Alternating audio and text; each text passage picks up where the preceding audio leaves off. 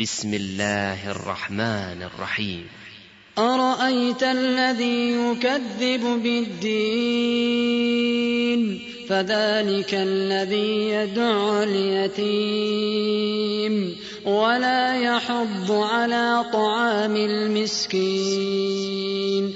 فويل للمصلين. فويل للمصلين. الذين هم عن صلاتهم ساهون. الذين هم يراءون ويمنعون الماعون.